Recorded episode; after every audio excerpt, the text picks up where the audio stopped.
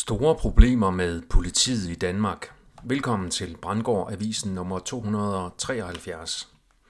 En række sager peger på store problemer med politiets kultur og adfærd. Oprydningen er startet, men den kan blot være en anden del af det samme problem. Mit navn er Per Brandgård, og det er den 1. november 2023. Der er store problemer med politiet i Danmark. Flere medier beretter, at Rigspolitichef Torkel Fode har indkaldt landets politidirektører til møde i dag onsdag for at starte redegørelse af politiets kultur og adfærd.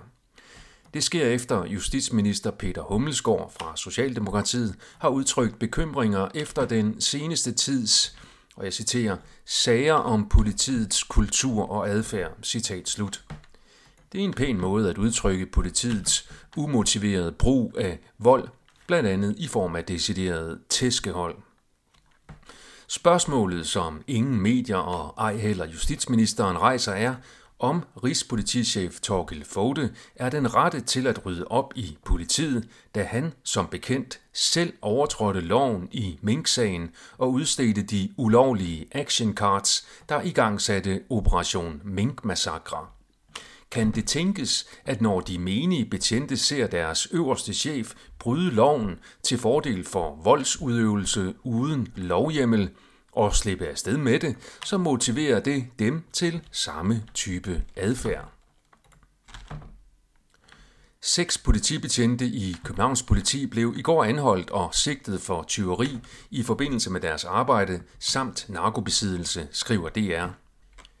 Sagen tyder på, at en gruppe betjente i Københavns politi har opereret som narkohandlere som bidjob og udnyttet de unikke muligheder, som det at være politibetjent giver i den tilstødende branche på den anden side af loven.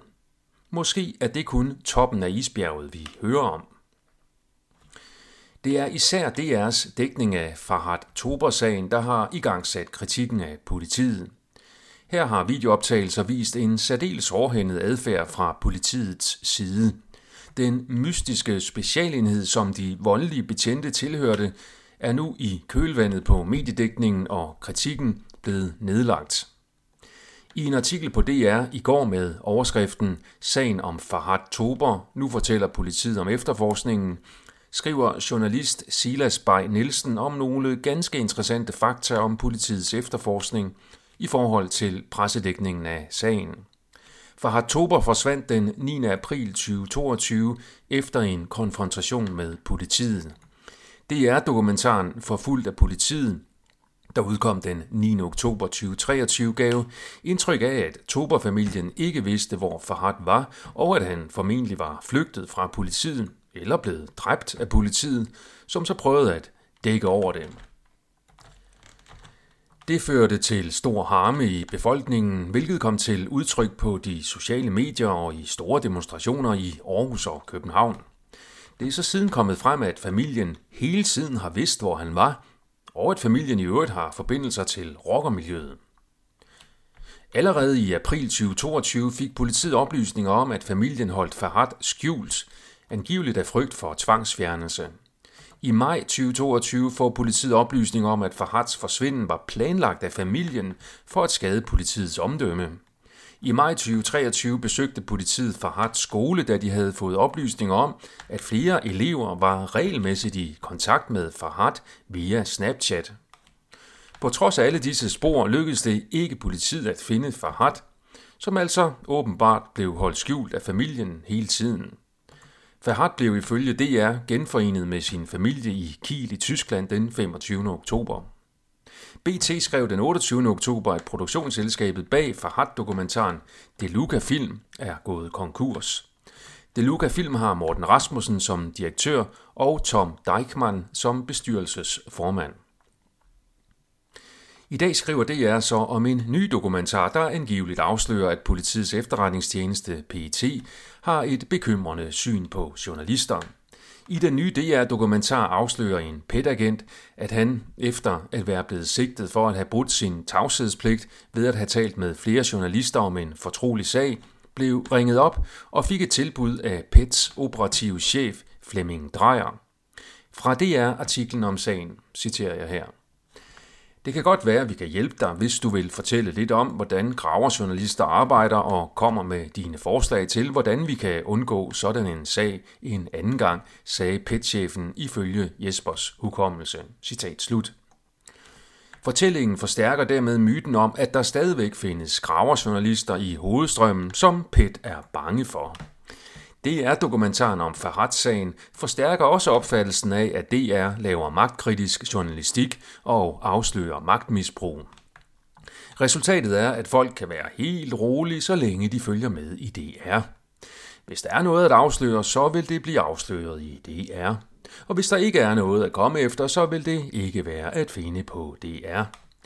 Vi har dermed at gøre med sager, der ud fra det perspektiv i første omgang styrker hovedstrømsjournalistikken, og på lidt længere sigt også politiet, da de nu har mulighed for at ofre nogle lavt hængende søndebukke, der giver indtryk af, at politiet er en organisation med selvjustits. Det kan derfor ikke udelukkes, at der er en rød tråd af propaganda, det vil sige organiseret overtalende kommunikation, i mediedækningen af disse sager om politiet. Jeg kan for mit eget vedkommende bevidne, at jeg absolut ikke er tilfreds med politiets behandling af en magtkritisk skribent.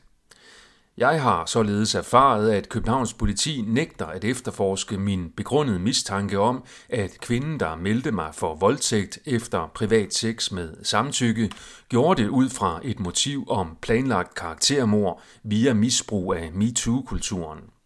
Det begrunder jeg blandt andet med, at kvinden til synlædende er tæt forbundet med højt rangerende medlemmer af den jødisk-sionistiske kult Chabad Lubavitch i København. Efter jeg blev pure frifundet med dommerstemmerne 6-0 i Østre Landsret, og efter jeg opdagede kvindens forbindelse til Chabad Lubavitch, foretog jeg anmeldelsen om falsk voldtægtsanmeldelse til Københavns politi, og de har så siden nægtet at efterkomme mit ønske om blot en times samtale med en erfaren efterforsker om mine beviser og argumenter. Samme politi har til gengæld ressourcer nok til at bevogte Rabat Lubavitch med flere mand døgnet rundt. Jeg var heller ikke tilfreds, da Københavns politi lagde mig i armlås og sigtede mig for ikke at bruge mundbind, da jeg var mødt op på politistationen på Københavns hovedbanegård for at anmelde Mette Frederiksen og Magnus Heunicke for coronarelateret kriminalitet, da coronafascismen var på sit højeste. Anmeldelser, som politiet i øvrigt nægtede at tage imod. Jeg var heller ikke tilfreds med Københavns politi, da de den 13. maj 2020 stormede min lejlighed, rensede den for IT-udstyr og konfiskerede min PC, iPad og iPhone i flere måneder, hvilket gjorde mit arbejde som kritisk journalist udfordret. Politiet havde fået en rensagningskendelse, fordi jeg havde skrevet nogle kritiske blogindlæg om terrorangrebet i Christchurch i New Zealand, som jeg vurderede kunne være en sionistisk operation, ligesom jeg vurderede ud fra kilder med militær ekspertise, at den drablige video af moskéskyderiet var falsk og led i en sideløbende agenda om at fremme censur på internettet. Det mener jeg stadigvæk. Jeg er heller ikke tilfreds med de besøg, jeg har fået fra Københavns politi, blot fordi jeg er gået hen og har talt fredeligt med vagterne foran synagogerne på Krystalgade og Ole Sursgade.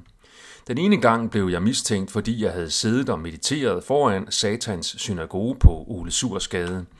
Betjentene kunne dog ikke svare på, om der var kommet en meditationslov, der dikterede, hvor det er lovligt og ulovligt at sidde og meditere. Den anden gang var jeg mistænkt, fordi jeg var iført en særlig trøje og taske. Den særlige trøje var en almindelig hummeltrøje, og tasken var en bæltetaske med dobbelte stropper. Betjentene kunne heller ikke redegøre for, om der var lovhjemmel til at besøge fredelige borgere på grund af deres påklædning under fredelige samtaler i det offentlige rum. Jeg var heller ikke tilfreds, da jeg blev sigtet og sågar dømt i byretten for at kalde politibetjente og DSB-folk for fascister, efter de havde opført sig fascistisk ved at nægte mig at rejse med toget uden mundbind, iført et mundbind af fascismeskilt, på vej til stiftende møde i det, der siden blev til frihedslisten. Jeg mener stadigvæk, at politiets adfærd var fascistisk efter ordbogens definition af begrebet.